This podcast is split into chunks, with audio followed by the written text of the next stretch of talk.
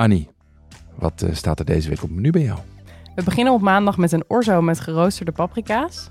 Op dinsdag een plaattaart met asperges, erwtjes en gruyère.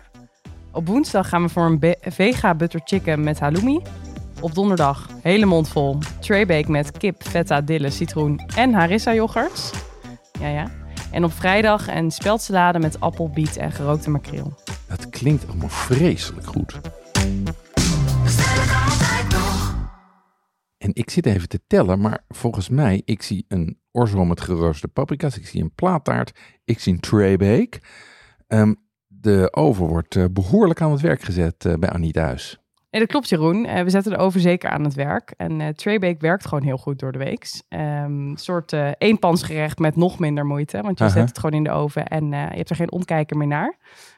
En je zei inderdaad geroosterde paprika's, maar we doen zelfs de orzo uit de oven deze week. Dus het wordt nog makkelijker. Maar als ik orzo, voor de mensen die dat niet weten, dat is zeg maar pasta, dat is rijstvormige pasta. Als ik, als ik die orzo uitstrooi in mijn oven, dan denk ik dat die er keihard uitkomt, eh, of niet? Dat klopt. Je moet ook de orzo niet droog in de oven doen. Maar eh, nou, ik, eh, ik zal even uitleggen hoe het werkt in dit recept. Want het is echt wel een leuke techniek die, je, waarmee je veel kan variëren. Het is een recept uit de groene bakplaat.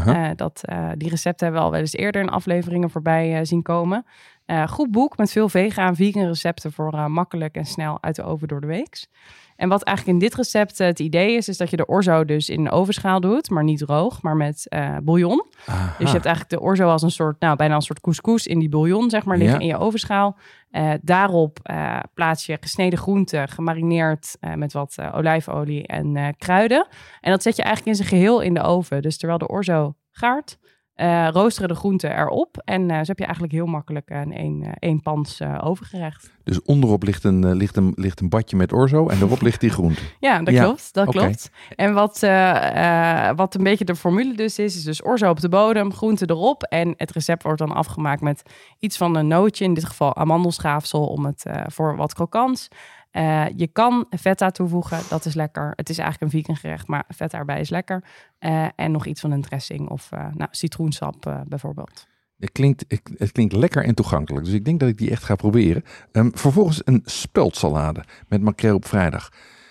Help me even, wat is speld ook weer en hoe maak ik daar een salade van? Spelt is een eh, graansoort die we in dit geval voor deze salade koken. Eh, het, het ligt gewoon in de supermarkt of in het eh couscouschap of in het, het gezondheidsschap, wat je misschien wel kent.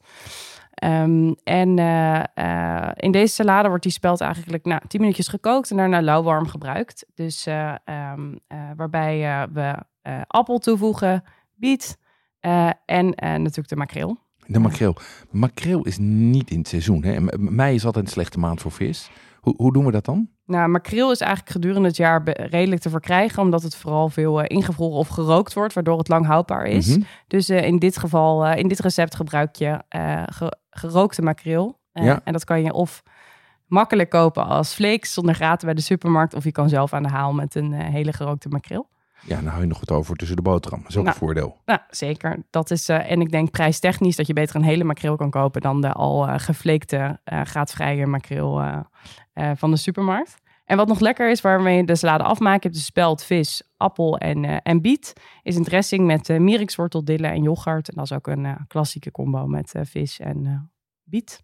Klinkt hartstikke goed. Wat, wat heb je gekozen als gerecht van de week? Het gerecht van de week is een eh, vega butter chicken zonder kip met halloumi.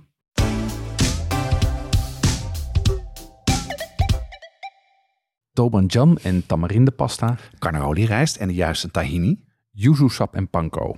Moeilijk te vinden, zelfs als je een goede speciaalzaak in de buurt hebt. Daarom zijn we heel blij met onze partner Pimenton.be, de webshop voor foodies en hobbycooks. Die bezorgen vanuit België in de hele Benelux voor maar 3,95 euro.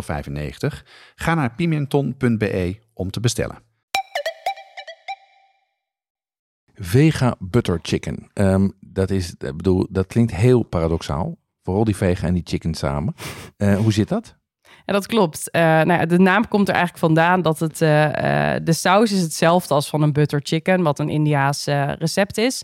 Eh, en dat is eigenlijk eh, nou, kip in een, in een curry op basis van verschillende kruiden, zoals eh komijn, chilipoeder, kurkuma, maar ook gember, knoflook en tomaten, passata en room. Ehm, maar in dit recept wordt de kip vervangen door halloumi. Dus we blijven bij de butter chicken saus, maar dan zonder de chicken. Maar halloumi, dat is kaas, toch? Dat klopt. Wat voor kaas is dat? Dat is, eh, een, eh, dat is inderdaad kaas, dat klopt. Ehm, oorspronkelijk uit Cyprus afkomstig. Ehm, het is best zoutig. Mhm. en ja, het heeft een beetje een aparte structuur. Het is het geeft een soort squeak als je erop koudt, Ja. vind ik, of als je het, als je het bijt. Ja, een beetje gum, gumachtig. Ja, ja het, is, eh, het is stevig, maar ook, eh, ook elastisch. En omdat het een hoog smelpunt heeft, kan je, het, eh, kan je de kaas eh, grillen, eh, bakken in de pan of zelfs eh, frituren. Eh, dat hoef je niet inderdaad met mozzarella te proberen, maar dat kan wel met halloumi. Hou jij daarvan? Halloumi, ja, ik, ik ken het eigenlijk vooral gegrild of gebakken. En dan tussen een, tussen een broodje of, of, op een, of op een salade met bulgur of zo. Ja. Ehm, dus eigenlijk altijd een beetje in die Midden-Oosterse hoek. Ik heb er nooit over nagedacht om het als ingrediënt in een, eh, in een gerecht te gebruiken. Ehm, want zo wordt het hier gebruikt, toch? Ja, ja, je gebruikt het hier echt als vleesvervanger. Dus in plaats van de kip eh, gebruiken we halloumi. Dat koop je als een blok. Dat ligt in het eh, verschap van de supermarkt. En inmiddels zag ik ook een chili basilicum variant voorbij komen. Maar ik zou in dit, in dit Nee. geval gewoon voor de naturel variant gaan. Eh, die snij je in blokjes en die bak je eh, in zonnebloemolie met eh garam masala, kruidenmix, bak je die krokant. Ehm, en daarna worden ze op het laatst eigenlijk aan de curry toegevoegd. Zo voorkom je dat je die kaas gaat meesudderen in die curry, dat het krokant blijft. Ah, oké, dus je bakt hem wel even. Hey, Ja. En wat eet je daar dan bij? Nou, wat sowieso lekker is om hierbij te eten, is naambrood. En Ja. dan, nou, als je de tijd hebt eh, om dat zelf te maken, dat is echt eh, eh, heel lekker. Ja. En dit, dit recept van de, nou ja, de halloumi butter chicken is van Claudia Dame. Mhm, op Instagram heet zij Food from Cloud9. mhm.